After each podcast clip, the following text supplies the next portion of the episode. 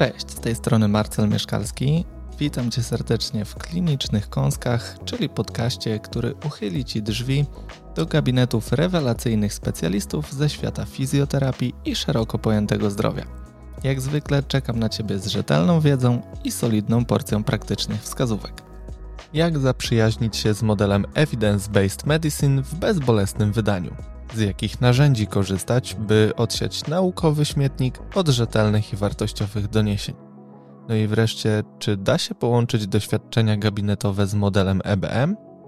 Jako, że te pytania nie należą do najłatwiejszych, to w poszukiwaniu odpowiedzi zgłosiłem się po pomoc do amerykańskich naukowców.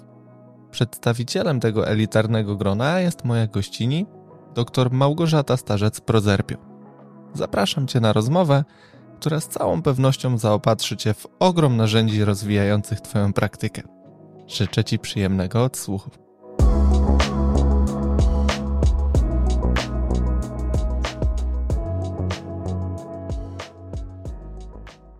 Dzień dobry, Gosiu.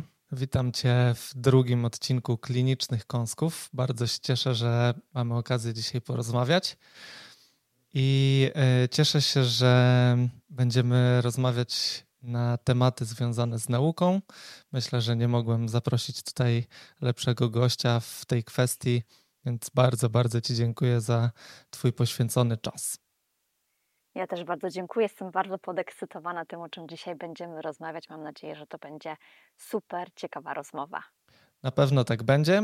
Tym bardziej, że mieliśmy okazję się już spotkać na jednym z webinarów, kursów online, e, które mm, prowadziłaś, i no już wtedy stwierdziłem, że to nie będzie nasze ostatnie spotkanie, czyli nie spotkaliśmy się pierwszy raz e, i ostatni czyli dwa razy za jednym spotkaniem, tylko tych spotkań myślę, że jeszcze kilka odbędziemy, bo tych pytań do Ciebie mam mnóstwo.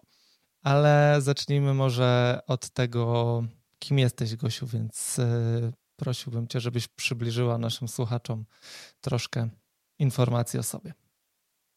Jestem fizjoterapeutką, fizjoterapeutką tak zwaną uroginekologiczną i taką byłam właściwie od początku swojej ścieżki zawodowej, więc swojej pracy takiej codziennej gabinetowej i szpitalnej. E, spotykam się z kobietami na różnych e, etapach życia, z różnymi e, problemami w obszarze miednicy i dna miednicy.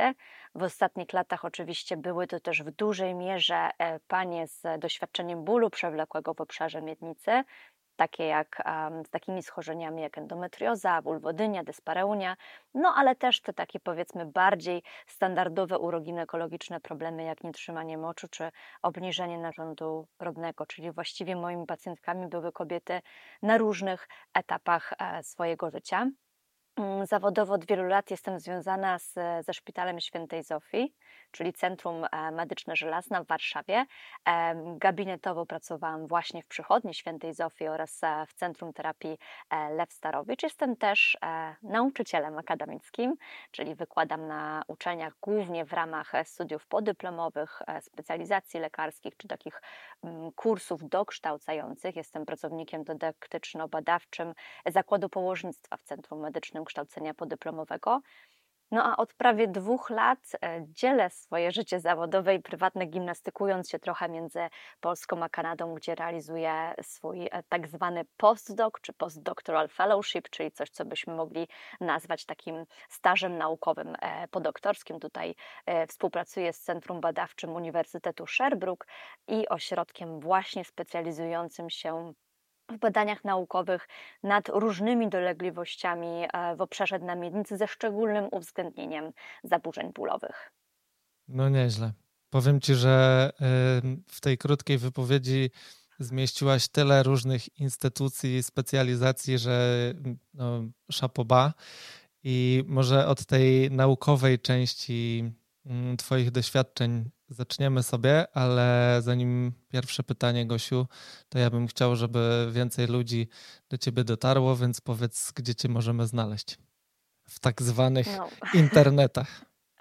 W internetach. Um, jestem początkującą instagramerką, że tak się śmieję. Nie mam je tam jakoś super e, aktywnie, natomiast staram się regularnie e, coś wrzucać, więc myślę, że to jest takie miejsce, gdzie najłatwiej mnie spotkać. Starzec Prozerpio, podkreślnik PhD, czyli PhD, od, e, skrót od, od, od stopnia doktoranckiego. I myślę, że tam najłatwiej mnie spotkać. E, też w razie czego zapraszam do kontaktu mailowego, jeżeli pojawi się jakiś feedback albo e, pytania dłuższe, kontakt małpa małgorzatastarzec.pl. Super. Mamy wszystkie potrzebne dane. Ja oczywiście umieszczę kontakt do Ciebie w opisie tego odcinka i lecimy z tematem, więc y, ta naukowa część y, Twojego życia, Gosiu, jak to wygląda? Czy ciężko jest dzisiaj być naukowcem? Z jakimi wyzwaniami, nie wiem, barierami mierzysz się na tym polu e, w swojej codziennej pracy? Myślę, że z jednej strony dzisiaj jest być łatwiej naukowcem niż kiedykolwiek.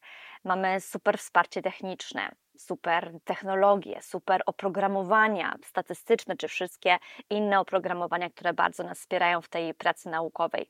Dostęp do źródeł, którego kiedyś nie mieliśmy. Właściwie możemy dzisiaj tą pracę naukową wykonywać z każdego końca świata.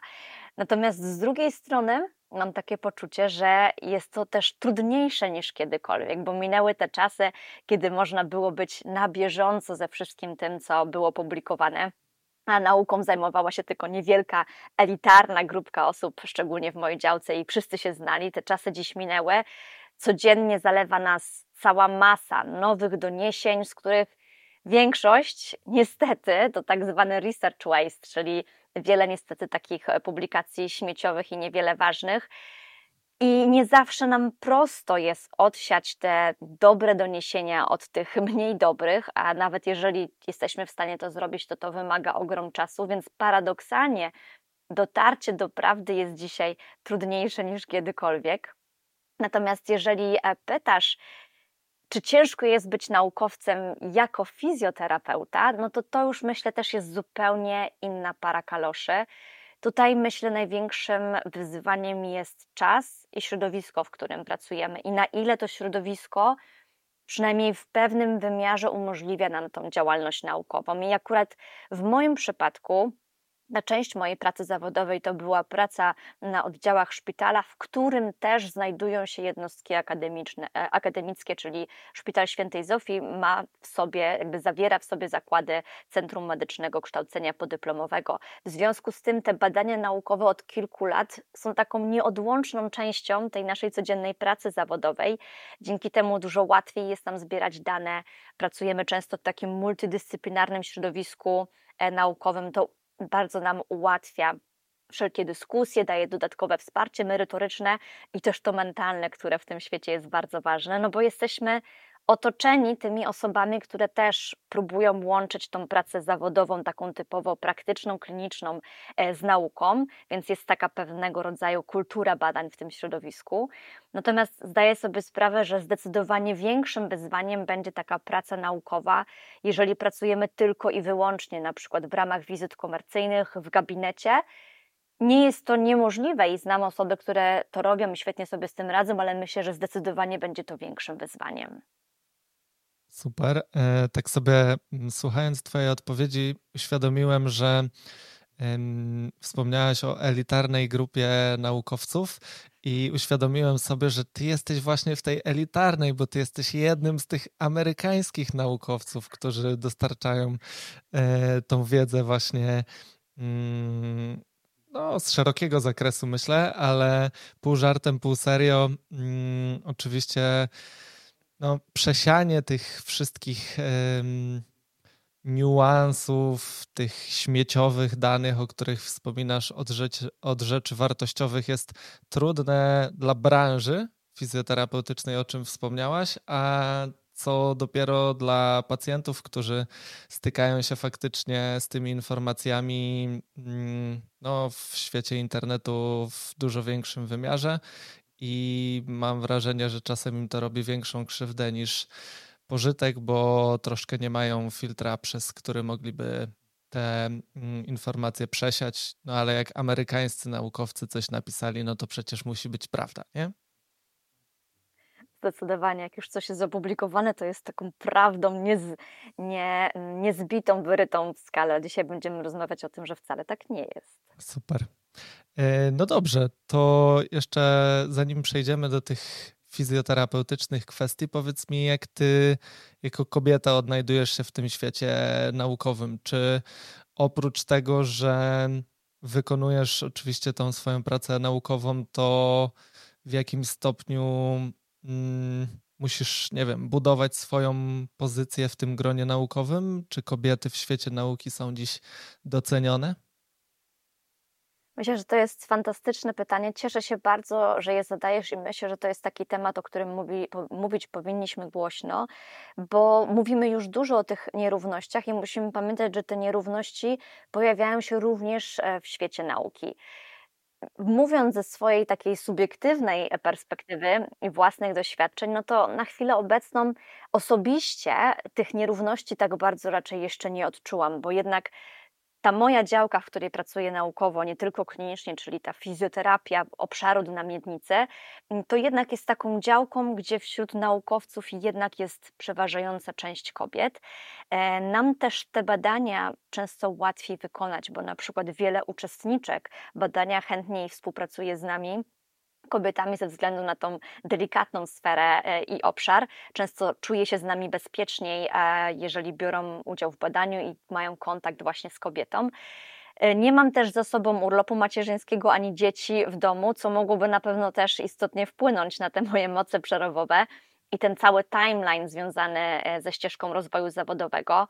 Miałam od początku ogromne e, wsparcie moich przełożonych, którzy byli też mężczyznami, więc jakby moja na pewno sytuacja, zdaję sobie sprawę, jest dość wyjątkowa i wiem, że właśnie ze względu na ten obszar, w którym działam, e, ze względu na osoby, które na swojej drodze spotkałam, no a przez to niestety nie odpowiada znakomitym, e, znakomitej większości kobiet i im doświadczeniom, które realizują właśnie się w tej karierze naukowej. No i Dobra wiadomość jest taka, że dziś w świecie nauki obserwujemy coraz więcej działań które, i inicjatyw, które mają nam te nierówności wyrównać albo im zapobiec. Na przykład coraz częściej w aplikacjach grantowych, czyli tych aplikacjach, gdzie ubiegamy się o finansowanie na badania, często mamy kryterium, że to jest na przykład dla młodych naukowców, którzy są do pięciu lat po obronie doktoratu, ale coraz częściej pojawia się taki dodatkowy zapisek, że na przykład okres ciąży czy urlopu macierzyńskiego nie wlicza się w te e, pięć lat.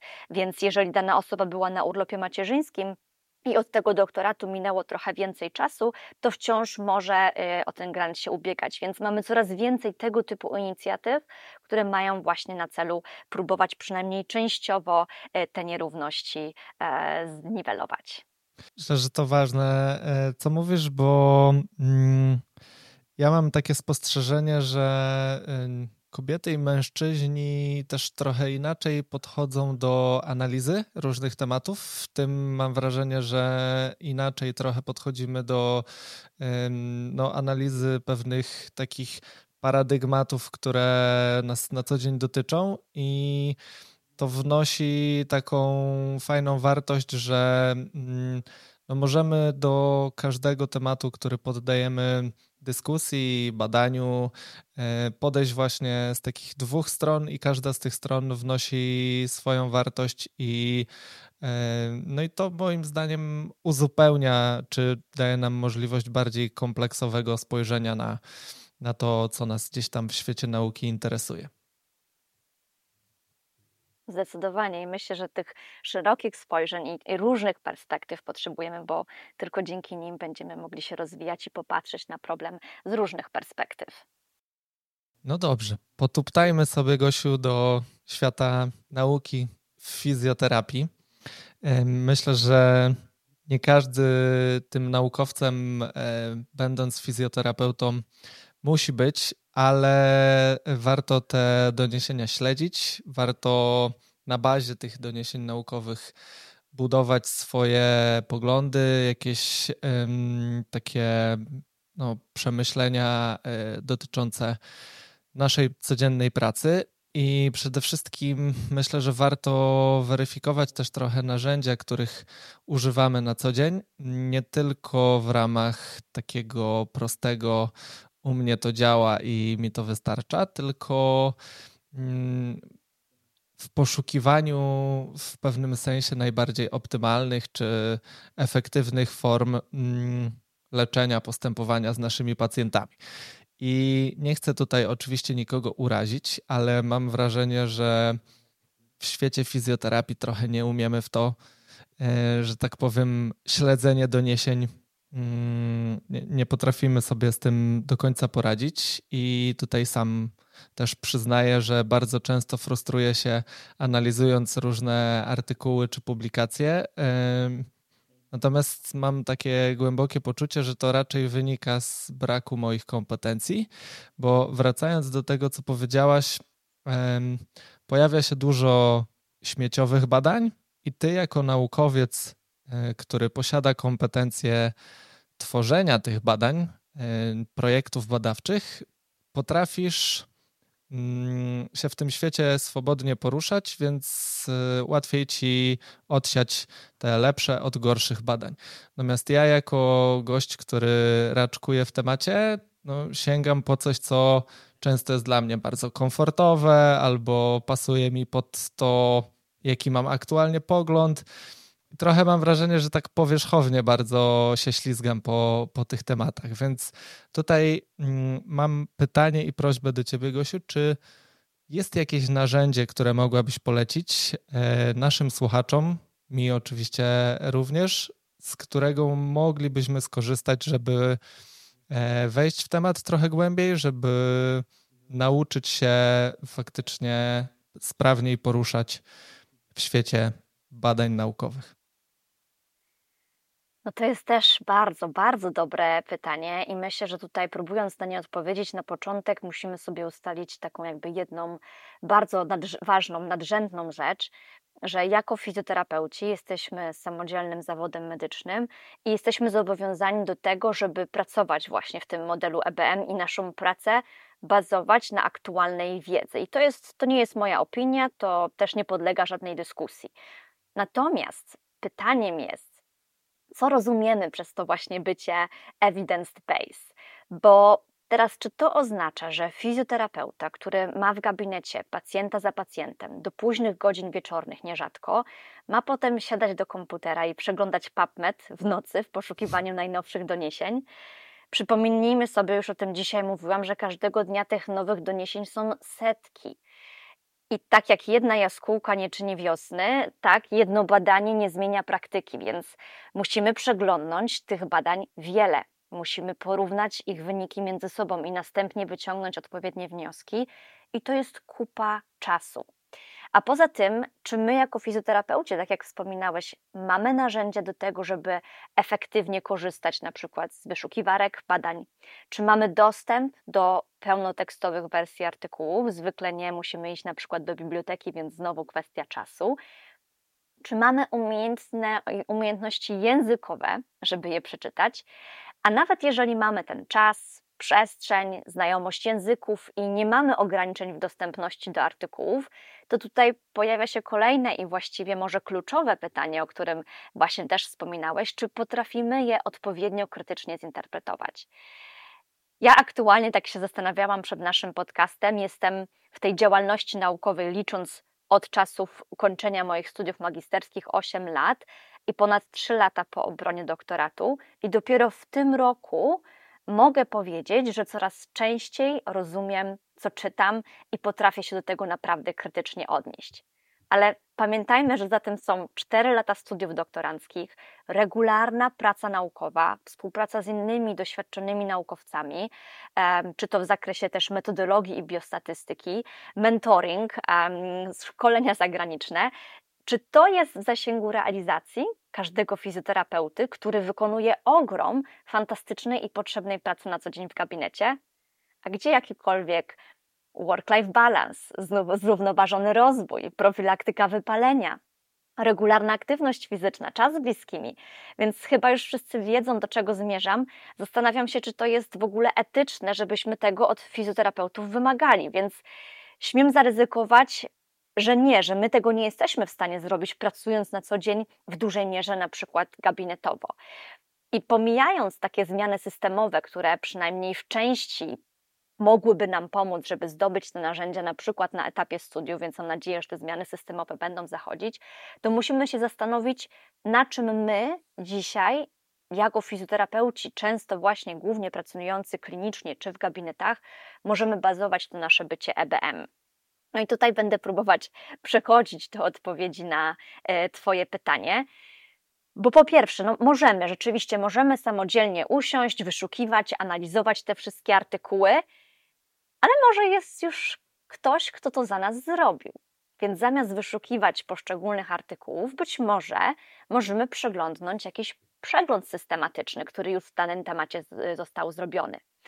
Albo e, możemy popatrzeć na różne takie rzetelne podsumowania najnowszej wiedzy zrobione już dla nas przez e, specjalistów i naukowców z danego tematu. I tutaj dla przykładu w obszarze uroginekologii mamy dwie duże organizacje, ICS, czyli International Continence Society i IUGA, czyli International Urogynecological Association i pod egidą tych obu dużych organizacji powstają fantastyczne projekty.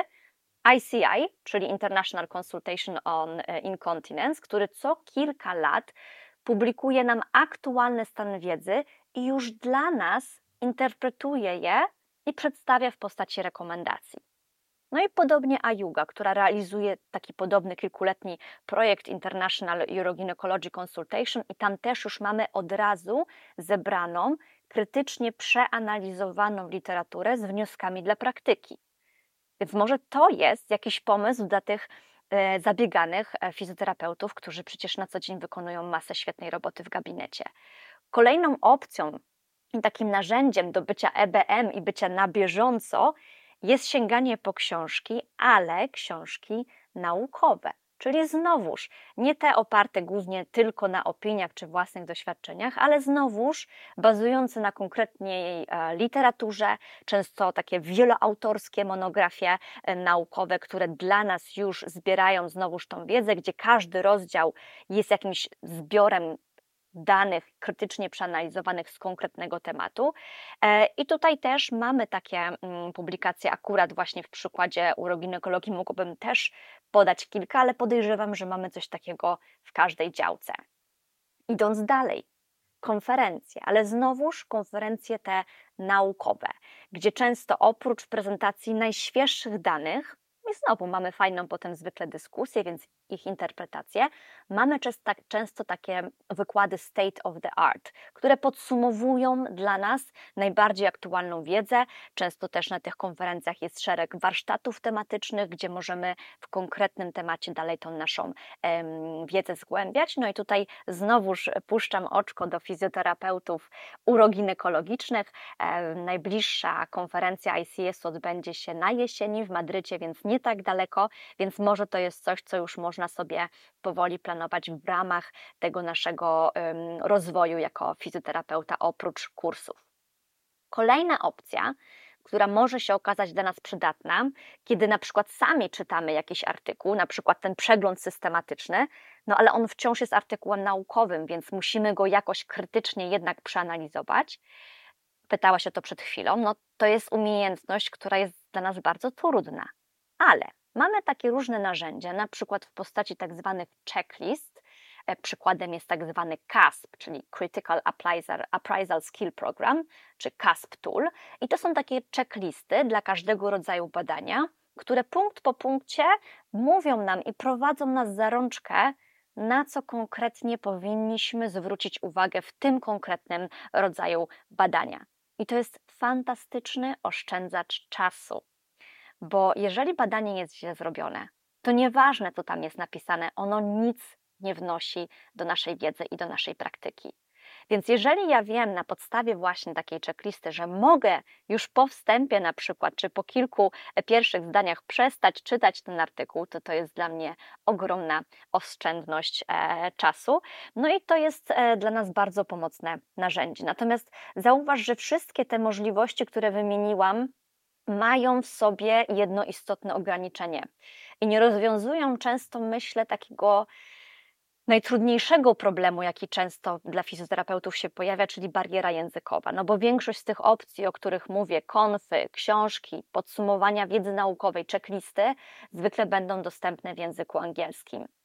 Więc dla tych osób, który, dla których ta bariera językowa stanowi dużą em, przeszkodę, to tutaj chciałabym e, zasugerować taką odpowiednią uważność. Na przykład, jeżeli planuje swoje szkolenia na dany rok, być może warto przy, przynajmniej jedno takie szkolenie wybrać, gdzie ta wiedza będzie właśnie dla nas odpowiednio opracowana, oparta na aktualnych doniesieniach, gdzie wiemy, gdzie ten prowadzący zna się odpowiednio na tym, co mówi, gdzie zapoznał się krytycznie z tą literaturą i ją przeanalizował, a nie tylko wrzucił gdzieś tam na slajdy prace, których przeczytał tylko abstrakt. Więc warto korzystać z takich opcji. One coraz częściej pojawiają się mm, na rynku e, polskim. My z Kasią Witek, e, tak jak wiesz, brałeś udział w jednym z tych spotkań, coś takiego mm, realizujemy, gdzie wybieramy jakiś temat i rozpracowujemy go naukowo pod kątem właśnie najbardziej aktualnych doniesień. I myślę sobie, że w dzisiejszych czasach powinniśmy o tym mówić głośno, bo nie możemy, myślę, wymagać od fizjoterapeuty, który głównie pracuje w ramach pracy klinicznej do, o, nie możemy od niego wymagać tego, żeby był cały czas super ekstra na bieżąco, samodzielnie opracowując sobie tą literaturę, bo to jest okrutnie trudne. Natomiast powinniśmy od nich wymagać, żeby byli evidence-based, ale właśnie szukając tych różnych elementów, które będą wchodzić w tak zwany zakres, zakres knowledge transfer czy knowledge translation, gdzie ta wiedza odpowiednio dla klinicystów jest zbierana i podawana w pewien sposób na tacy. Dzięki temu jesteśmy evidence-based, ale możemy poradzić sobie z tym szeregiem ograniczeń i przeszkód, które na naszej drodze się pojawiają. E, kilka takich rzeczy, które przemknęły przez moją głowę w ramach Twojej odpowiedzi. Pierwsza to na pewno mm, polecenie update'u ze świata nauki, bo tak się nazywa ten cykl spotkań, który Gosia prowadzi z Kasią. Kasię tutaj pozdrawiamy oczywiście w mhm. ramach naszej rozmowy. Mm, druga kwestia to wspomniałaś o tym, że naukowcy podają na tacy wiedzę fizjoterapeutom, którzy pracują na co dzień klinicznie. I myślę, że tutaj jest też dużo pracy w naszym mm, świadku, w naszej fizjoterapeutycznej piaskownicy do tego, żeby te dwa światy zaczęły ze sobą e, efektywniej współpracować, a już na pewno komunikować się, bo na pewno spotkałaś się niejednokrotnie z takimi stwierdzeniami, że te osoby, które siedzą na co dzień w gabinecie i na analizę tych badań nie mają czasu, to postrzegają trochę mm, fizjonaukowców jako teoretyków, którzy niekoniecznie tą swoją pracą wnoszą coś do klinicznych działań tych, nazwijmy to, fizjopraktyków. Z kolei no, fizjonaukowcy też znaleźliby parę takich, myślę, mm, odniesień do tego, gdzie ten fizjopraktyk może y, się mylić w swoich y, poglądach, w tym jak postrzega pewne mm, tematy. Więc ja tutaj bardzo, bardzo mocno zachęcam te oba światy, żeby, e, żeby były bardziej otwarte w kwestii komunikowania się ze sobą. E, za te wszystkie polecenia oczywiście dziękuję. Ja postaram się później w ramach e, nagrania czy e, obrabiania tego nagrania wyłapać te wszystkie nazwy i w opisie też powrzucać jakieś linki. Myślę, że to będzie duża praktyczna wartość, ale pamiętam z tego kursu z update'u, na którym byłem u ciebie, Gosiu, że wspominałaś o takiej książce o evidence-based y, practice dla fizjoterapeutów. Jest coś takiego w języku angielskim, prawda?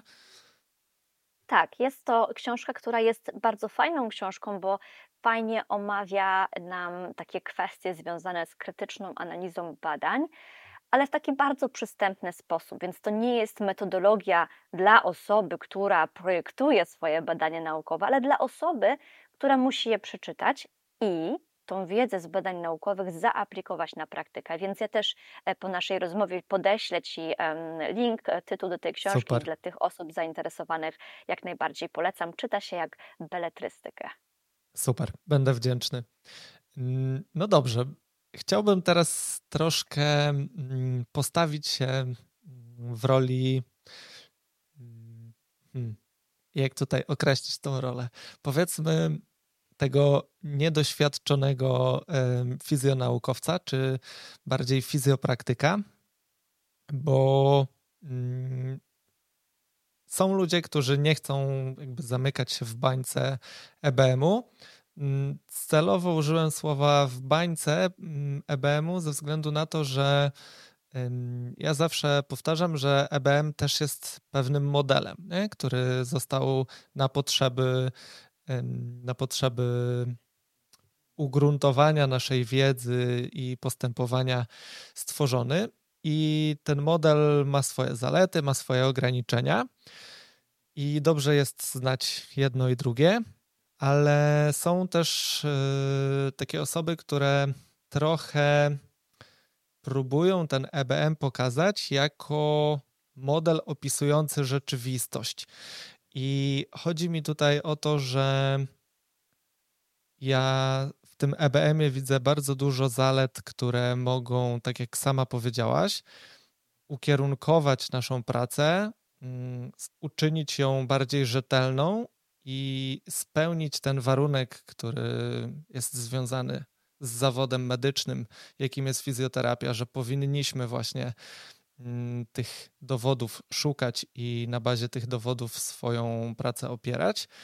Ale gdzie w tym wszystkim jest, Gosiu, miejsce na doświadczenie własne dla takiej osoby jak e, ja, czy być może wielu naszych słuchaczy, którzy kilka, kilkanaście, kilkadziesiąt lat pracują z pacjentami w gabinecie, niekoniecznie w ramach tej pracy mieli czas na um, analizę tych doniesień naukowych, jak połączyć te dwa światy ze sobą. Jak to doświadczenie połączyć z dowodami, które mamy na dzień dzisiejszy. Oprócz tego, że trzeba być otwartym na to, że chcemy połączyć te dwa światy. Kolejne hot pytanie. I cieszę się bardzo, że możemy na ten temat podyskutować i tutaj przy okazji tego podcastu wyjaśnić trochę takie pewne nieścisłości, które myślę się tutaj pojawiają, bo, bo często ten model EBM-u bywa po prostu nieprawidłowo aplikowany i przez to my dzielimy się trochę, mam takie poczucie, na chorych zwolenników EBM-u, albo wręcz przeciwnie, totalnie ten EBM odrzucamy i myślę, że tutaj musimy dzisiaj zaapelować do obu stron, bo jeżeli pomyślimy sobie o takim bardzo e, takim fanatycznym, może to jest zbyt duże słowo, ale takim bardzo bym powiedziała mm, e, ekstremalnym podejściu do tego EBM-u, pamiętajmy, aby korzystać z tych danych z głową i unikać wszelkich form e, ekstremizmu, że jak na coś nie ma dowodów, to jest to do wyrzucenia. Bo pamiętajmy, że nie na wszystko zawsze musi być konkretny artykuł. Nie potrzebujemy osobnego badania, które powie nam, że jak zostawię żelazko włączone, e, to jest większe ryzyko, że dziecko się oparzy albo wzniece pożar. Więc przede wszystkim podchodźmy racjonalnie do tych danych. Dane naukowe mają nam wskazać pewne pryncypia, zasady, czyli te takie jakby zasady, reguły, na których opiera się nasze działanie, a nie konkretnie powiedzieć, musisz taką technikę zrobić i dopiero wtedy to zadziała. To nam mówi o pewnych pryncypiach i zasadach, i w dużej mierze w ten sposób możemy mm, to swoje bycie EBM traktować. Drugim problemem, który często widzę, zawężamy to opieranie się na EBM-ie tylko i wyłącznie do tej kwestii, czy działa, czy nie działa. A pamiętajmy, że EBM to jest cała masa różnych problemów i odpowiedzi na różne pytania badawcze. Więc często dla nas taki EBM to jest epidemiologia. Czyli dzięki EBM-owi i dzięki, tych badaniom, dzięki tym badaniom epidemiologicznym, ja mogę się dowiedzieć, na przykład, ile mniej więcej średnio trwa ostry epizod dolnego odcinka, bólu dolnego odcinka kręgosłupa albo bark zamrożony, jak to wygląda u kobiet, jak to wygląda u mężczyzn i dzięki temu mogę na tej podstawie adaptować to, co robię w swoim gabinecie. Więc nie zawężajmy się tylko i wyłącznie do badań randomizowanych, gdzie mamy działa albo nie działa. Pamiętajmy, że EBM to jest cała masa różnych badań, badań obserwacyjnych, jakościowych, tych, które mówią nam o doświadczeniach i potrzebach naszych pacjentów, więc pamiętajmy, żeby na to patrzeć zdecydowanie, zdecydowanie szerzej.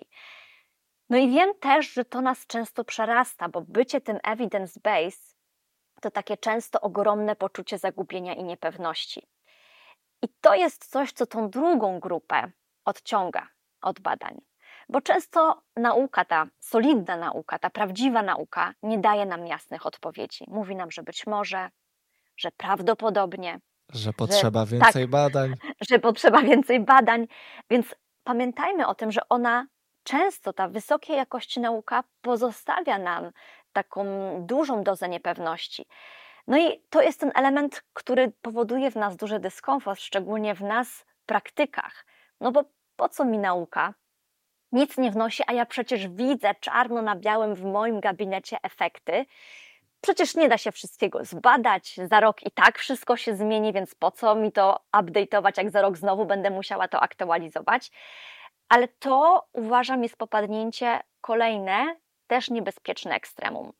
Bo pamiętajmy, że opieranie się tylko i wyłącznie na własnych obserwacjach gabinetowych może być bardzo zgubne.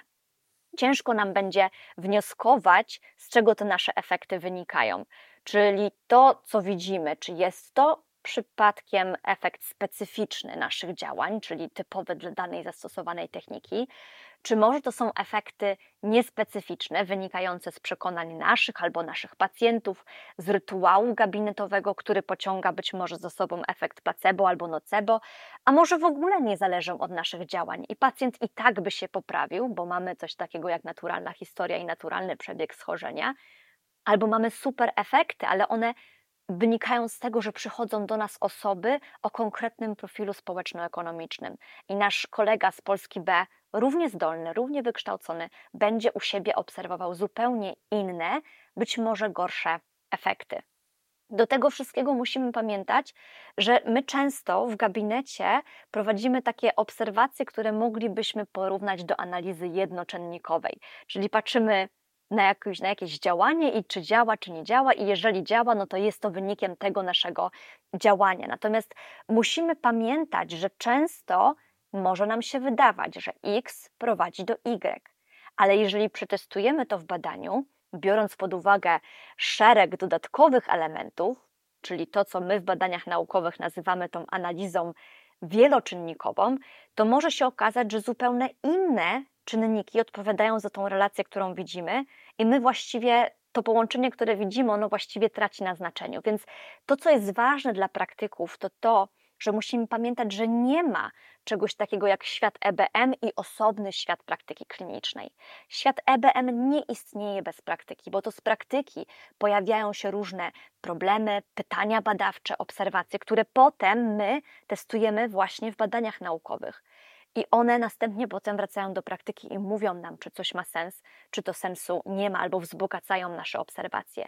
Więc w swojej codziennej praktyce, dzięki temu, że wiem to, co jest w badaniach, to mogę krytycznie odnieść się do tego, co widzę w gabinecie i lepiej wnioskować, czy ten efekt, który dzisiaj widzę u mojej pacjentki, wynika z tego, że ja rzeczywiście zastosowałam konkretne działanie, które jej pomogło, czy opierając się na wiedzy naukowej, wiem, że i tak by u niej przeszło, tak jak to często jest z rozejściem mięśni prosty brzucha, które zamykaliśmy w pierwszych dniach po porodzie cudownie, kilkoma wizytami. Podczas gdy okazuje się, że mamy naturalny przebieg schorzenia u większości kobiet w przeciągu kilku tygodni po porodzie to się wy zamknie, wygoi samoistnie. Więc ta nauka jest nam niezbędna, ale praktyka jest nam potrzebna również. Więc moim takim przekazem i dzisiaj w podcaście i na wszystkich tych działaniach dydaktycznych, które prowadzę, jest to, że nie ma jednego albo drugiego. To jest razem nieodłączne i razem ze sobą musi zawsze działać. Właśnie zburzyłaś, Gosiu, mój świat, w którym e, byłem święcie przekonany, że to te różowe tejpy, jeśli chodzi o rozejście mięśni prostych brzucha. No ale dobrze, akceptuję to i oczywiście będę, y, będę starał się aplikować y, do tej aktualnej wiedzy. Nie pójdę na łatwiznę. Oczywiście troszkę ironizuję, ale myślę, że warto też czasem z poczuciem humoru do tego wszystkiego podejść. Takie dwie rzeczy sobie wyłapałem. Pierwsza dotyczy różnych badań, bo często się spotykam z takim przeświadczeniem wśród fizjo, że jak już ktoś czyta badania, to najlepiej czytać metaanalizy, bo tam jest wszystko, tam już zebrali ileś tych badań, stwierdzili, czy one są dobre, czy nie są dobre.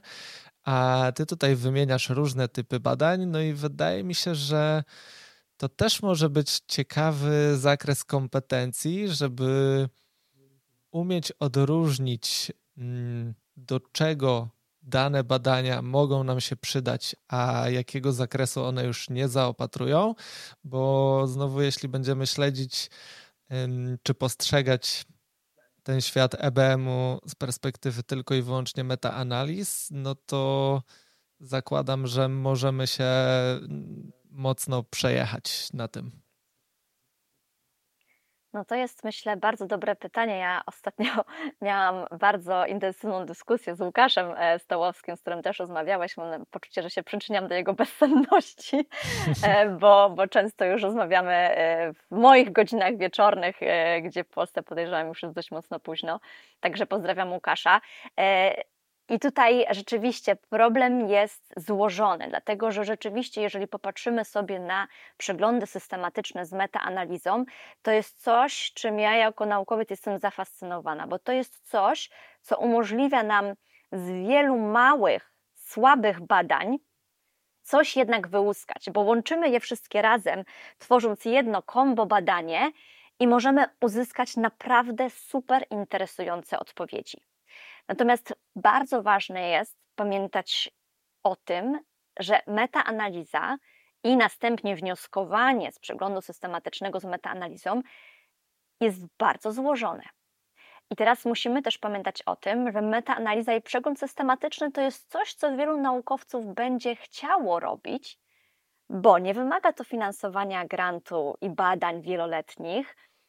Patrz, bazujemy na tym, co już zostało zrobione, więc mogę sobie siedzieć na Maderze czy na Kanarach i analizować sobie te badania. Nie muszę być w jakimś konkretnym ośrodku, nie wymaga to sprzętu, więc generalnie wydaje się to bardzo takie kuszące dla naukowców, którzy muszą ileś tam publikacji za ileś tam punktów opublikować. Natomiast pamiętajmy, że metaanalizy są naprawdę trudne do zrobienia i muszą być dobrze wyjaśnione i dobrze zinterpretowane. I ja akurat w tym roku um, i właściwie już od dwóch lat mam ogromną przyjemność, dzisiaj powiem już, że przyjemność być e, w grupie, która pracuje nad przeglądem Cochrane i my tych przeglądów Cochrane jako fizjoterapeuci bardzo nie lubimy, bo one nam często mówią, że nasze działania niestety nie działają tak, jak nam się wydaje. Ale to, co jest bardzo ważne, to to, jak bardzo skrupulatnie podchodzi się do tych badań, jak bardzo skrupulatnie analizujemy te metaanalizy, jak bardzo skrupulatnie patrzymy nie tylko, czy coś działa, bo to dla nas z punktu klinicznego nie jest wystarczająca odpowiedź. My chcemy wiedzieć nie tylko, czy coś działa, ale też, jakie za tym idą nakłady, jakie za tym idą koszty dla pacjenta i czy to działanie, ten, ten, to korzyść, którą zyskamy dzięki tej metodzie jest dla nas opłacalna, bo jeżeli moja pacjentka będzie przychodziła na szereg dodatkowych wizyt z jakąś super metodą tylko po to, żeby mieć jeden epizod nietrzymania moczu mniej raz na dwa tygodnie, no to to może dla niej nie być e, sukces, który będzie jakby uzasadniał ten cały wysiłek, który ona podejmie. Więc to jest coś, co nam metaanaliza pomaga zrobić. Natomiast musimy pamiętać, że metaanaliza będzie bardzo dużym uogólnieniem, więc jeżeli ja jako nie tylko naukowiec, ale fizjoterapeuta chce dowiedzieć się o czymś dla co będzie pasowało do jednej konkretnej grupy, czyli nie chcę popatrzeć tylko na pacjentki z nietrzymaniem moczu, ale mnie interesują pacjentki z nietrzymaniem moczu, które są starszymi kobietami, bo wiemy, że one będą lubiały inne terapie, coś innego na nie może zadziałać, więc wtedy metaanaliza, która zwróca wszystkie kobiety z nietrzymaniem moczu, może nie odpowiedzieć na moje pytanie. Więc to, co będzie bardzo ważne, musimy pamiętać, jak te dowody aplikujemy i którym obszarze naszej praktyki będziemy chcieli z nich korzystać. Bo jeżeli mnie interesuje, co działa ogólnie dla populacji z nietrzymaniem moczu, to jak najbardziej taka metaanaliza będzie dla mnie przydatna. Ale jeżeli chcę dowiedzieć się specyficznie o grupie właśnie na przykład tej po 60 roku życia, być może tutaj warto, żebym zerknęła na jakieś konkretne badania, które akurat tą grupę kobiet badały. Nie wiem, czy to odpowiada na Twoje pytanie. Oczywiście, że tak. I y, w swojej odpowiedzi nawiązałaś jeszcze do mojego drugiego przemyślenia, które sobie tutaj wypisałem. Mm, wspominając o, tej, o tych przeglądach typu Cochrane, których nie lubimy. Generalnie mam wrażenie, że ta niechęć y, do EBM-u wynika z tego, że jako terapeuci jesteśmy często przekonani, że EBM zabiera nam narzędzia do pracy. Czyli EBM twierdzi, że terapia manualna w przypadku jednostki klinicznej X nie działa. EBM twierdzi, że ćwiczenia w przypadku jednostki klinicznej Y są porównywalne do efektu placebo. I z jednej strony, jeśli kierujemy się swoim ego, myślę, że to jest bolesne.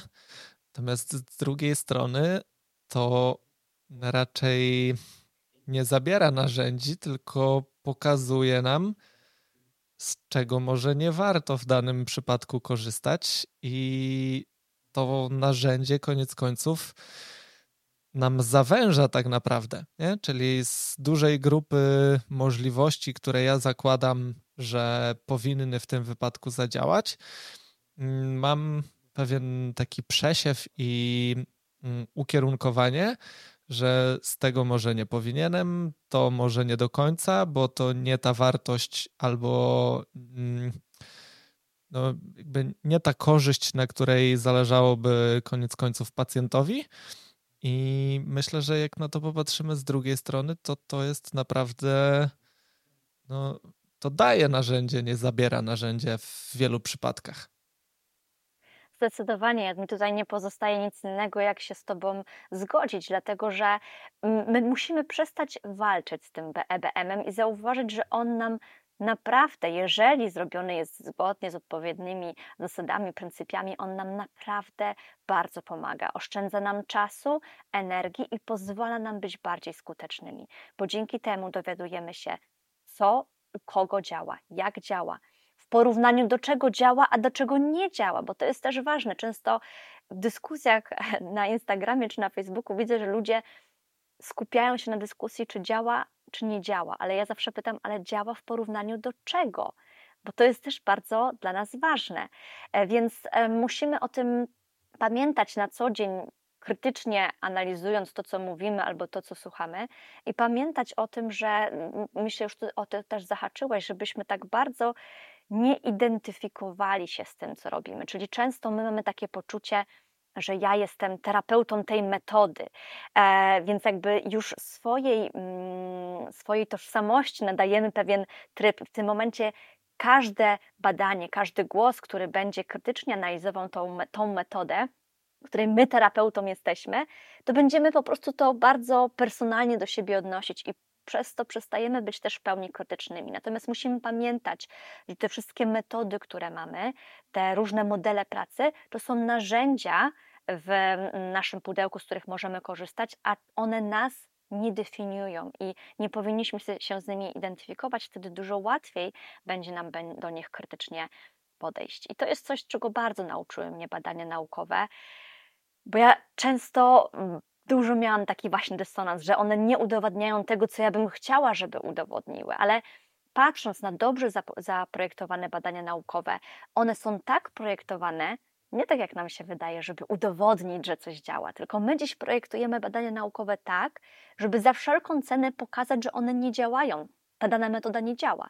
Jeżeli to badanie wykaże, że ona działa, to wtedy mamy pewność, że rzeczywiście jest to metoda, z której możemy korzystać. I myślę, że tak też powinniśmy podchodzić do naszej codziennej praktyki. Nie szukajmy potwierdzenia naszych obserwacji na co dzień, bo to jest ten element confirmation bias, tego efektu potwierdzenia, w który wpadamy codziennie. Szukajmy, zastanawiajmy się, podchodźmy krytycznie, bo to pozwoli nam się cały czas rozwijać, zarówno w kontekście naszych własnych obserwacji, jak i w kontekście tego, co widzimy w badaniach. Confirmation bias, cherry picking, bardzo mi się podobają te wszystkie y, określenia y, EBM-owe, ale jak już jesteśmy przy tych określeniach, to myślę, że pójdziemy do tematu, który bardzo lubisz, czyli do definiowania pewnych um, aspektów i rozróżniania tych definicji względem siebie, bo jesteś trochę takim strażnikiem Teksasu w tych y, social mediach, jeśli chodzi o mm, takie sugestie do, do osób, które mają dużą łatwość w używaniu takich stwierdzeń, że mm, pewne zjawiska wynikają z konkretnej przyczyny, z konkretnego czynnika y, i, i, mamy taką dużą łatwość właśnie w przypisywaniu przyczynowości sobie, swoim narzędziom. Więc y, ja tutaj sobie wypisałem takie trzy mm, pojęcia, czyli związek, korelacja i kauzalność. Pani doktor, proszę nam powiedzieć, czym te terminy się względem siebie różnią i jak powinniśmy z nich na co dzień korzystać, żeby nie siać fermentu w internetach. Partnerem mojego podcastu jest Akademia Enedu, platforma dla fizjoterapeutów, z którą w kilka godzin nauczysz się więcej niż aktualnie uczysz się w miesiąc. Po przesłuchaniu tego odcinka wejdź na enedu.pl i korzystaj do woli z zasobnego archiwum kursów online oraz webinarów. No tak, i to jest też bardzo, bardzo um, dobry element do omówienia, bo ja mam takie poczucie, że my jako fizjo bardzo, ale to bardzo dobrze umiemy w obserwacje. Tylko naszym problemem jest to, że jak już zauważamy, że jakieś elementy występują razem, to od razu z automatu przypisujemy im związek przyczynowo-skutkowy, że tak. jedno powoduje drugie. Napięcie na jest... miednicy i problem stawu skroniowo-żuchwowego, nie? Zdecydowanie i zaraz właśnie też będę się chciała do tego odnieść, bo musimy pamiętać, że to, że jedno prowadzi do drugiego, to jest tylko jeden z elementów, który nam może tłumaczyć e, współwystępowanie tych dwóch e, rzeczy. No i tak właśnie jest z tym przykładem zaburzeń w obrębie stawów skroniowo-żuchwowych, które często, wiemy, współistnieją z zaburzeniami bólowymi w obszarze dna miednicy, na przykład dyspareunią, czy czymś, co byśmy sobie określili jako zwiększone napięcie obszaru ym, dna miednicy. I to jest, uwaga, evidence-based, wiemy, że one ze sobą współistnieją.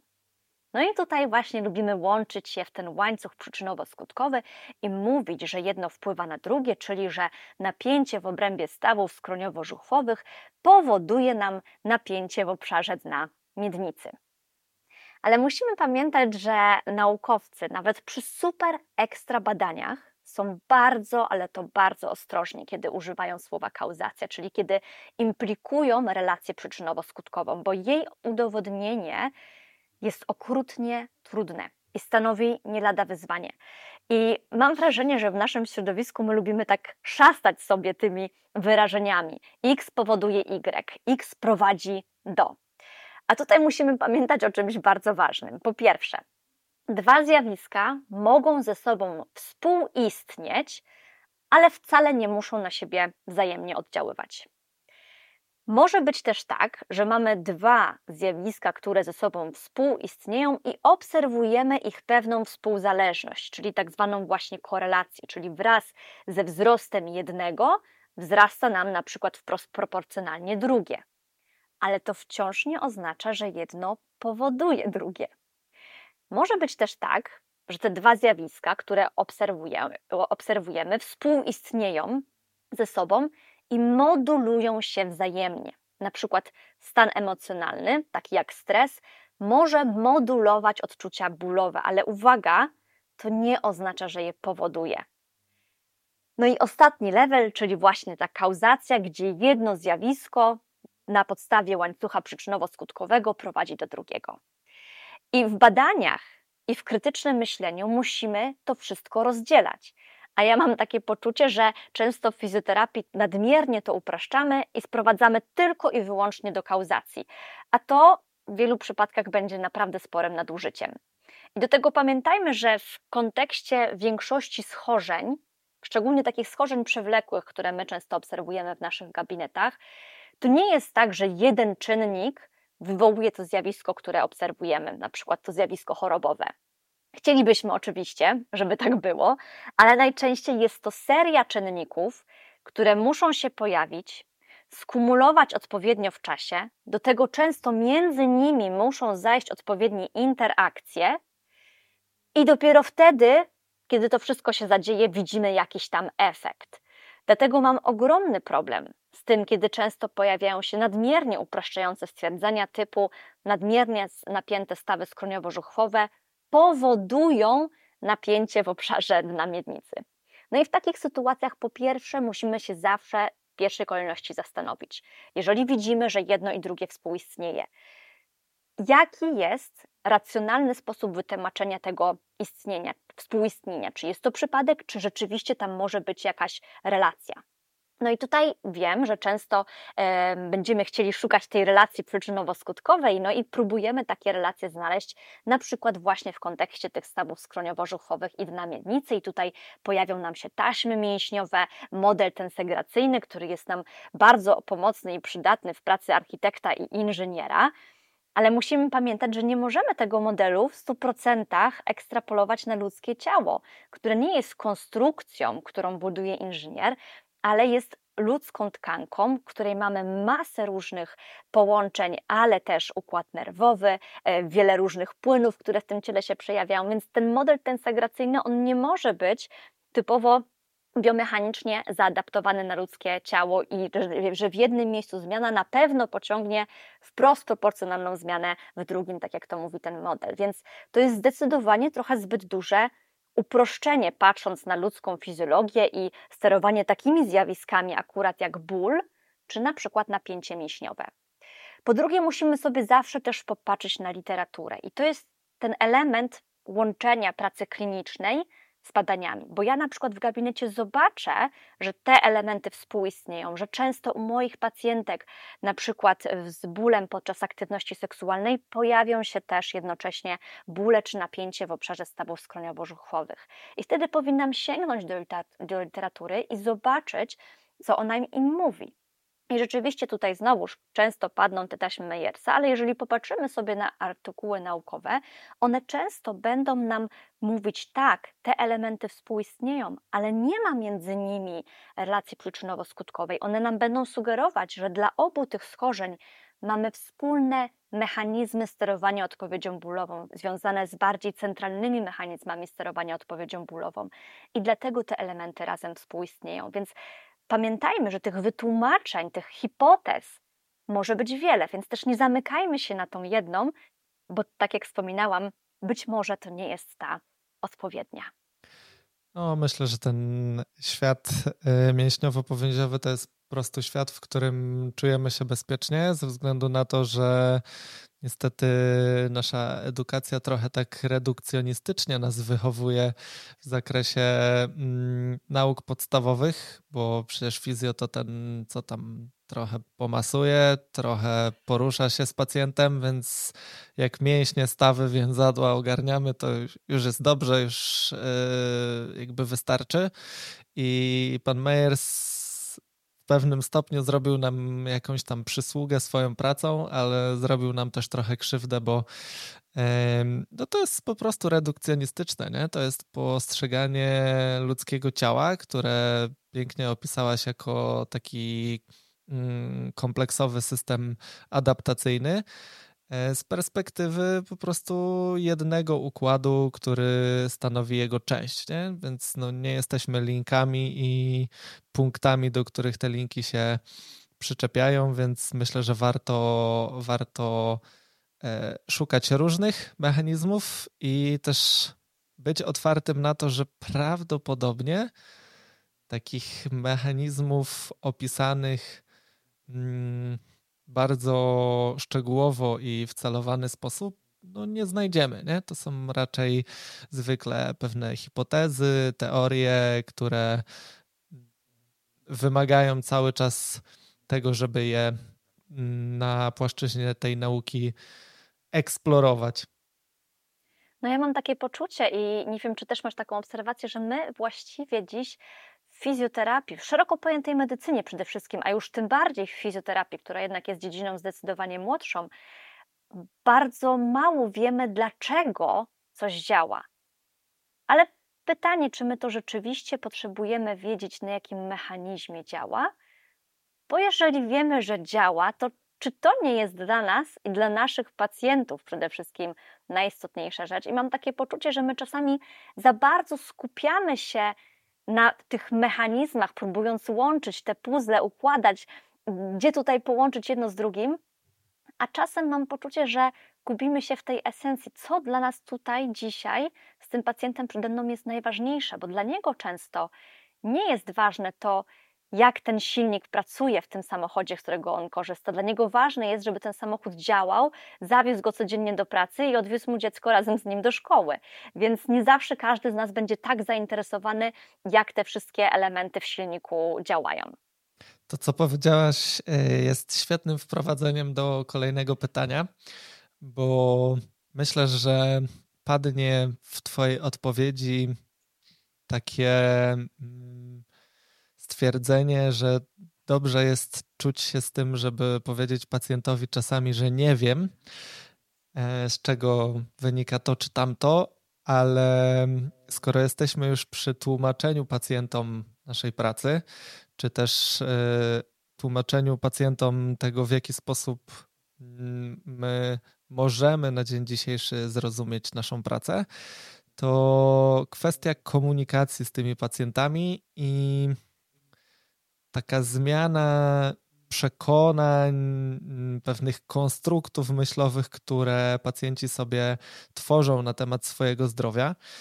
Czy nie uważasz, że trochę brakuje w świecie medycznym takich kompetencji do, do tego, żeby z tymi pacjentami się komunikować i żeby właśnie powiedzieć im czasem szczerze, że nie wiem, natomiast to nie oznacza, że nie wiem, jak pani panu pomóc. Więc yy, temat kom tych kompetencji komunikacyjnych wiem, że też bardzo mocno Cię interesuje. Zbiorę w ciemno wszystko, co tutaj. Może nie, nie biorę wszystkiego w ciemno, zweryfikuję, yy, ale będę wdzięczny za Twoje doświadczenia i wiedzę w tym zakresie. Myślę, że komunikacja sprawia nam ogrom problemów i mam takie poczucie, że sprawia nam ogrom problemów na takiej płaszczyźnie typowo osobistej, a kiedy jeszcze musimy przynieść to na taką płaszczyznę zawodową, czyli na przykład komunikację z pacjentem, jest to zdecydowanie trudniejsze. I tutaj myślę, że musimy zahaczyć o dwa elementy, które w tym swoim pytaniu zawarłeś, a mianowicie jeden z nich to jest ta tolerancja niepewności, która jest, bo mam takie poczucie, że my często przytłoczeni tą liczbą i ilością spraw, których nie wiemy, popadamy trochę w taki fizjoterapeutyczny nihilizm, że w sumie to już nic nie wiadomo i nic nie ma sensu, to może będę robić swoje albo w ogóle y, kończę z tym zawodem. I myślę, że możemy czuć się pewnie z tym poczuciem niepewności.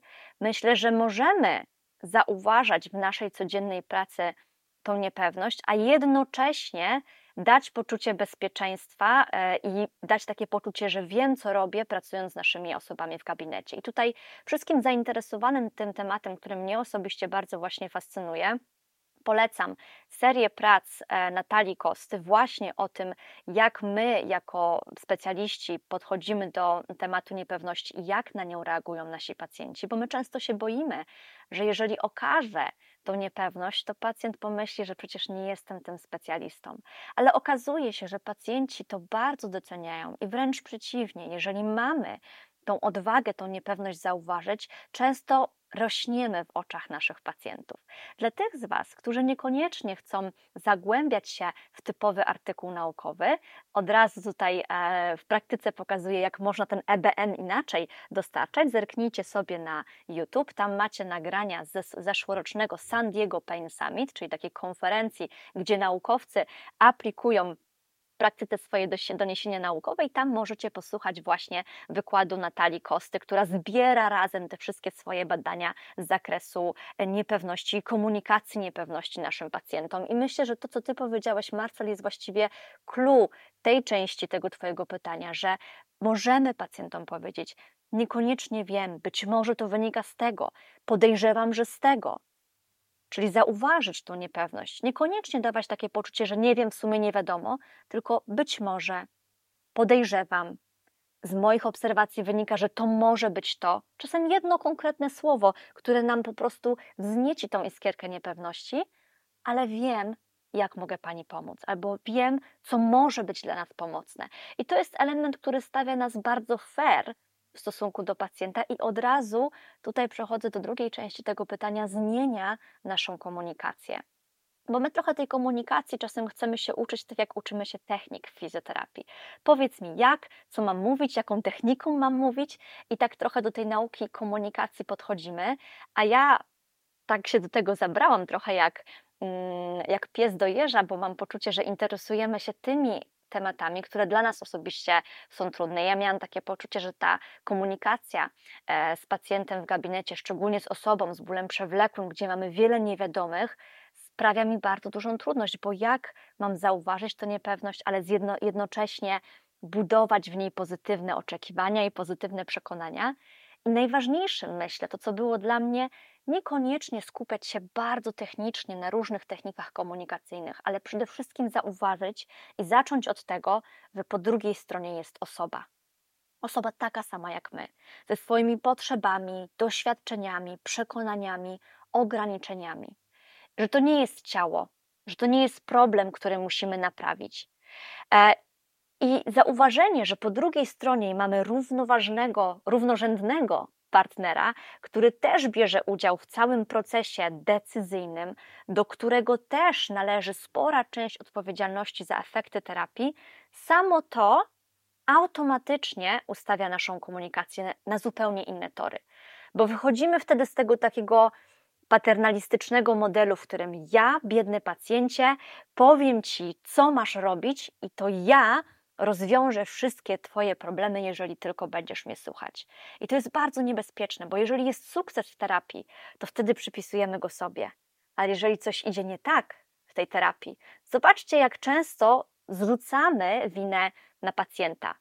Natomiast jeżeli zapytamy o potrzeby, o możliwości, o oczekiwania, o trudności możliwe i ograniczenia, które w tym planie rehabilitacji mogą się pojawić, to zdecydowanie od razu inaczej będziemy z tym pacjentem się komunikować. I często w zupełnie innym kierunku ta terapia może pójść, niż my byśmy chcieli, albo byśmy sobie wyobrażali na samym początku. I zaakceptowanie tego jest niezwykle kluczowym elementem komunikacji. A żeby ten element się pojawił, to musimy też zacząć słuchać. A to jest też coś, co jest dla nas bardzo trudne. Dla mnie osobiście, w Marcach zauważyłeś, że ja lubię dużo mówić. I dla mnie Myślę, osobiście że mamy ten sam problem. Trudne.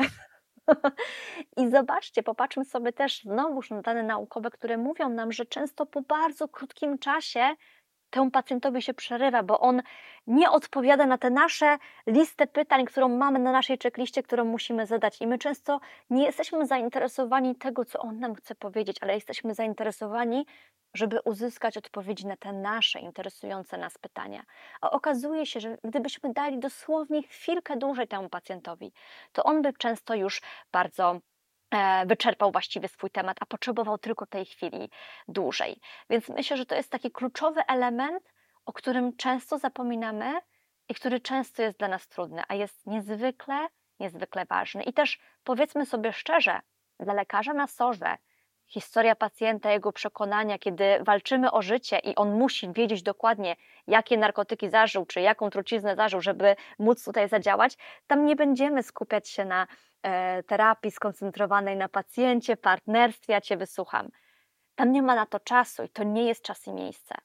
Ale w fizjoterapii, gdzie większość naszych pacjentów to nie jest stan, że jeżeli czegoś teraz nie wykryjemy, to za chwilę mi ten pacjent zejdzie na stole, tylko to jest często schorzenie o charakterze przewlekłym.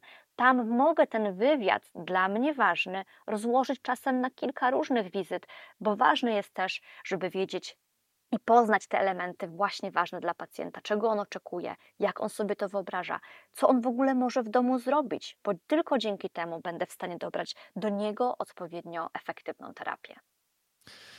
Sobie myślę, że prostym przykładem z naszych gabinetów jest tu pytanie pacjenta o to, czy ma jakąś aktywność na co dzień i ja się bardzo często łapałem kiedyś na tym, że jak pacjent mówił, że on nie ma żadnej aktywności na co dzień, bo on nie ma czasu na aktywność, to ja trochę mentalnie tego pacjenta już skreślałem w tym momencie. Na zasadzie, że nie, z tym pacjentem to na pewno nie pójdzie, bo on jakby liczy na to, że to ja tutaj w 45 minut raz na tydzień, dwa tygodnie, w zależności od tego, jak często się spotkamy, zrobię robotę, a on sobie dalej będzie tym swoim życiem e, żył. I złapałem się na tym wielokrotnie. W którymś momencie zacząłem tych pacjentów pytać, dlaczego ci pacjenci nie mają tej aktywności na co dzień. I okazuje się, że wachlarz odpowiedzi jest bardzo szeroki. Dopiero mając ten kontekst y, przed sobą, mogłem tak naprawdę zaaplikować coś, żeby tego pacjenta zachęcić, zmotywować i z jednej strony dla mnie bardziej satysfakcjonujący proces terapeutyczny zbudować, a z drugiej strony no, bardziej efektywny dla pacjenta, gdzie on też mógł dorzucić swoje e, trzy grosze, więc y, myślę, że fajne takie podsumowanie tego, co powiedziałaś właśnie, że terapia skoncentrowana na pacjenta, a nie na dokarmianie ego, na dokarmianiu ego e, terapeutycznego. Zdecydowanie i myślę, że to jest ten element, który jest kluczowy, co powiedziałeś, żeby posłuchać tego pacjenta, posłuchać jego historii, bo oczywiście mogę powiedzieć mojej pacjentce z nietrzymaniem moczy, obniżeniem narządu rodnego, proszę nie dźwigać. Ale co to za pomoc dla pacjentki, która jest samotną matką trójki dzieci i mieszka na trzecim piętrze bez windy?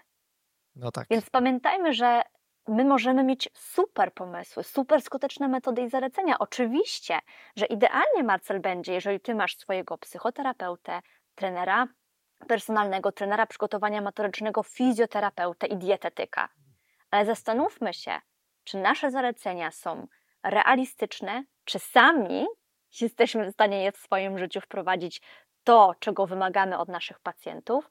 Więc jakby zalecenia zaleceniami, ale musimy zawsze wprowadzić je w kontekst tej konkretnej osoby i tego, co się z nią w danym e, momencie dzieje. Dokładnie. Mm, kurczę, bardzo e, przyjemnie się rozmawia o tych kwestiach dotyczących pacjentów i troszkę wejdę z bucierami do Twojego gabinetu, Gosiu, pytając o miejsce terapii manualnej w Twojej codziennej praktyce. Czy na tą terapię manualną jest miejsce w Twoim gabinecie, czy raczej to już taki relikt przeszłości w nowoczesnej fizjoterapii uroginekologicznej? Oczywiście e, i uważam to za bardzo e, przydatne narzędzie, z którego często korzystam. W ostatnim czasie zdecydowanie mniej, bo pracuję z pacjentkami głównie e, online, czyli w ramach telerehabilitacji, ale wiele technik z zakresu terapii manualnej, nawet w ramach telerehabilitacji, często adaptuje formę autoterapii, żeby ta pacjentka mogła sobie to wykonać. Natomiast to, o czym e, chciałam tutaj dzisiaj powiedzieć, że z tej terapii manualnej dziś korzystam zupełnie inaczej niż korzystałam z niej kiedyś, przypisuję jej zupełnie inne znaczenie niż kiedyś i też inaczej niż kiedyś tłumaczę ją swoim pacjentkom. Czyli jeżeli byś rozmawiał z Gosią Starzec sprzed powiedzmy, nie wiem, 7-8 lat, to dla mnie terapia manualna była tym, tą taką techniką to go. Jeżeli miałam 40 minut wizyty, to większa część tej wizyty to musiała być ta terapia manualna. Mojej pacjentce powiedziałabym, że wyrównuje jej wszystkie napięcia i ciśnienia w ciele i to wprowadzi fantastyczne zmiany w jej ciele i tylko dzięki temu będziemy mogły potem wprowadzić ćwiczenia, żeby na przykład mogła sobie poradzić z tym nietrzymaniem moczu albo z bólem em, podczas aktywności seksualnej czy badań ginekologicznych. Dziś terapia manualna jest jednym z wielu narzędzi, z których korzystam. Nie jest tym narzędziem głównym i też nie jest tym narzędziem obowiązkowym, tak jak to było kiedyś. Dziś będę trochę inaczej z niej korzystać, czyli dziś dla mnie terapia manualna będzie głównie techniką, z której będę korzystać na przykład, żeby modulować dolegliwości bólowe, bo tutaj w tym temacie mamy bardzo dobre dane. Terapia manualna, wszelkie formy masażu to jest coś, co na już na teraz często przynosi nam bardzo fajny efekt pozwala nam zredukować dolegliwości bólowe i dzięki temu możemy szybciej tego pacjenta wrzucić w daną aktywność. Natomiast dziś osobiście nie postrzegam terapii manualnej jako narzędzia, za pomocą którego zmieniam strukturę, wprowadzam jakieś trwałe zmiany w ciele mojego pacjenta. Ale to nie znaczy, że z tej terapii manualnej przestaję korzystać, bo tak jak wspominałam, jest ona fantastycznym narzędziem. Staram też inaczej tłumaczyć to pacjentce, czyli kiedyś, chciałabym, żeby ta pacjentka była cicho, żebym ja mogła się skupić na tej technice, którą wykonuję, żeby ona mi nie przeszkadzała, bo ja muszę być teraz tu i, tu i teraz skupiona. Natomiast dziś chcę zauważyć, że w swoich działaniach, szczególnie kiedy pracuję z osobą z bólem przewlekłym, gdzie wiem, że poczucie własnej skuteczności jest jednym z ogromnych predyktorów sukcesu terapeutycznego, chcę nie wprowadzać retoryki, w której to ja naprawiam jej zepsute ciało, tylko chcę jej pokazać, zobacz, teraz wprowadzimy jakiś nowy bodziec, ty to trochę inaczej poczujesz, zobacz, co się dzieje z twoim ciałem, więc chcę tą terapię, która była niegdyś określana pasywną i za to e, cała masa krytyki spadła na terapię manualną, ale terapię manualną możemy też uczynić terapią aktywną i w mojej ocenie, jeżeli my maksymalnie zaangażujemy w nią pacjenta, to może być bardzo wartościowa terapia. To może być element niezwykle skutecznego e, procesu terapeutycznego. Ważne jest, żeby pacjent wiedział, że to nie jest robione na nim, czyli coś, co my na nim robimy, tylko coś, co robimy razem z nim. Że to nie jest coś, od czego jest zależny, że to jest coś, co mu na chwilę pomaga, po to, byśmy mogli przejść do dalszych etapów. I w takiej formie czuję się zdecydowanie lepiej w aplikowaniu tej terapii manualnej, i w takiej formie uważam, jest to zgodne z aktualną wiedzą i zgodne z tym, co potrzebujemy w gabinecie. Ekstra.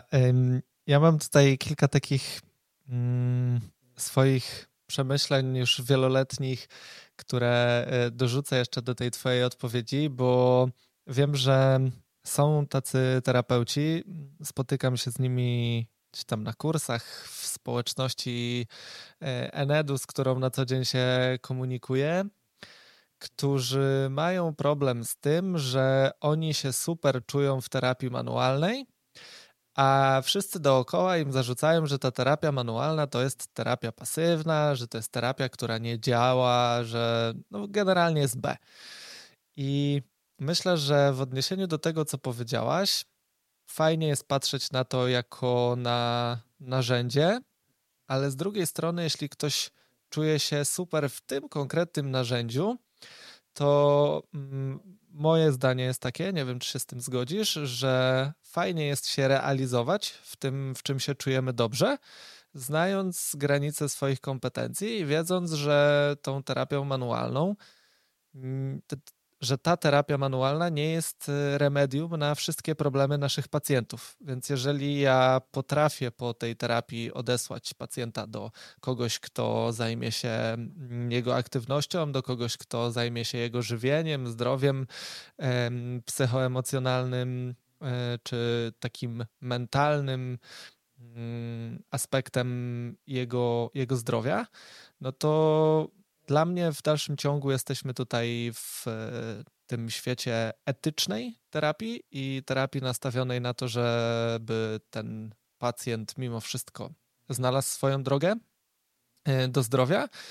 Mm, pamiętając jednak o tym, że mm, no nie możemy też w nieskończoność e, faworyzować tej terapii manualnej tam, gdzie mm, no, faworytem nie jest, nie? bo to jest wydłużanie często procesu terapeutycznego, to jest ym, często narażanie pacjenta na dodatkowe koszty i te wszystkie kwestie takie, ym, które już w, w ten zakres etyki będą nam tutaj wchodzić, więc nie wiem, czy się, czy się z tym zgodzisz. No zdecydowanie. Ja pamiętam, e, jaka ogromna krytyka spadła na telerehabilitację w czasach COVID-a i było, było masę różnych głosów, że w ogóle co to za fizjoterapia, którą realizujemy w ramach telerehabilitacji, przecież tam nie ma terapii manualnej, a to jest dla nas najważniejsze.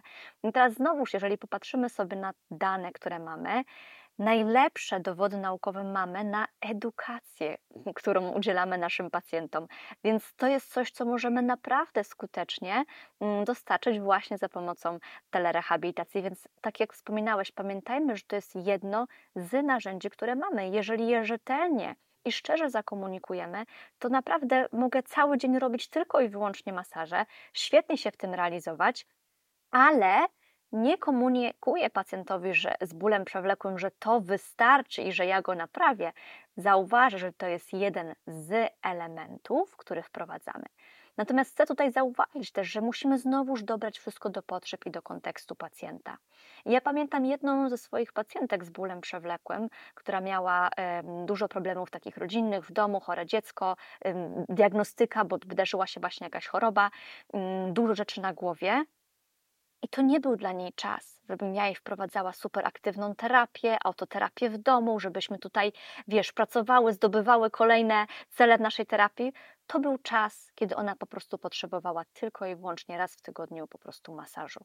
I to było dla niej coś, co pozwoliło jej być chwilę tu i teraz, wyciszyć się, uspokoić. I to było coś, co właśnie wyszło w tej szczerej, wczoraj, wczoraj rozmowie i komunikacji. Ona mi powiedziała: Pani Małgosiu, ja wiem, że to nie rozwiąże mojego problemu. Ja wiem, że powinnyśmy teraz wprowadzić coś innego, ale nie mam w tym momencie na to ani głowy, ani czasu, ani przestrzeni. Więc zróbmy teraz coś innego, aby coś, co mi pomaga i pozwala mi funkcjonować choć na tą chwilę, do czasu kolejnej wizyty, a do tych elementów wrócimy, kiedy tylko będzie taka możliwość. Więc znowuż pamiętajmy, nie bądźmy fanatykami w tych metodach, w tych badaniach, tylko patrzmy na ten szerszy obraz. Mój mąż architekt mówi: zrób zawsze krok do tyłu, bo wtedy zobaczysz dużo większą perspektywę i nie będziesz patrzeć tylko na ten jeden element, który wydaje ci się, że przez jego pryzmat widzisz całą rzeczywistość. Spróbuję taką klamrą e, spiąć ten temat komunikacji i narzędzi, o których teraz e, opowiadałaś, bo tak jak wspominałaś o pewnej rutynie i takich naszych przyzwyczajeniach y, gabinetowych, to mam takie poczucie, że tak samo jak potrzebujemy indywidualizacji w rozmowie z pacjentem, tak samo te i, I, to jest w pewnym sensie narzędzie, tak? Czyli ta umiejętność rozmowy z pacjentem w sposób, który pozwala ci dostrzec tego pacjenta. Tak samo mm, będzie się to odnosiło do zastosowania narzędzia, jakim jest terapia manualna, gdzie tak jak mówiłaś o tym, że nauczyłaś się jakichś tam technik i, i chcesz je aplikować na pacjencie, a tak naprawdę ta sama technika aplikowana na różnych osobach znowu będzie wymagała wielu często dostosowań, żeby skorzystać z jakichś tam benefitów, które ta, mm, ta technika, to narzędzie może za sobą nieść, więc y, fajnie jest mieć tą świadomość, że możemy rozwijać swoje kompetencje w zakresie różnych narzędzi i jeżeli ktoś nie czuje się dobrze w świecie terapii manualnej, to cieszę się, że mogę to dzisiaj powiedzieć. Może być świetnym fizjoterapeutą, bo jak ja wchodziłem w świat fizjoterapii, to szczególnie to męskie grono fizjoterapeutów wychodziło z założenia, że e, no nie no, trzeba terapię manualną jakąś skończyć, bo to przecież wtedy jesteś top of the top i, i wtedy robisz robotę, nie? A jak e, nie umiesz pacjentowi przysłowiowo chrupnąć z szyi, no to to szału nie będzie, nie? Więc e, fajnie jest dostrzegać tą mnogość narzędzi dobierać sobie mm, swoje kompetencje w tych narzędziach, w których czujemy się dobrze, znając też granice tych kompetencji, bo no koniec końców w tym wszystkim jest jeszcze pacjent, a nie tylko nasze ambicje. Zdecydowanie. I myślę, że tutaj świetnie to podsumowałeś.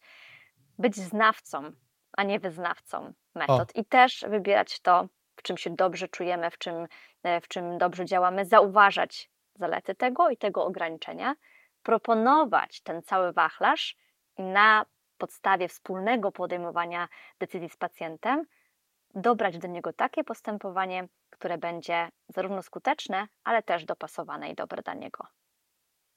Super, bardzo Ci dziękuję, Gosiu, za dzisiejszą rozmowę. Mm, takim przesłaniem dla naszych słuchaczy chciałbym, żeby było takie stwierdzenie, że jeśli dla kogoś ta rozmowa dzisiaj była niewygodna w kwestii dopuszczenia do siebie EBM-u, y, bądź być może ktoś po stronie EBM-owskiej poczuł się też w jakiś sposób dotknięty mm, tym, że my sobie tutaj rozmawiamy, nie wiem, o terapii manualnej, o różnych narzędziach.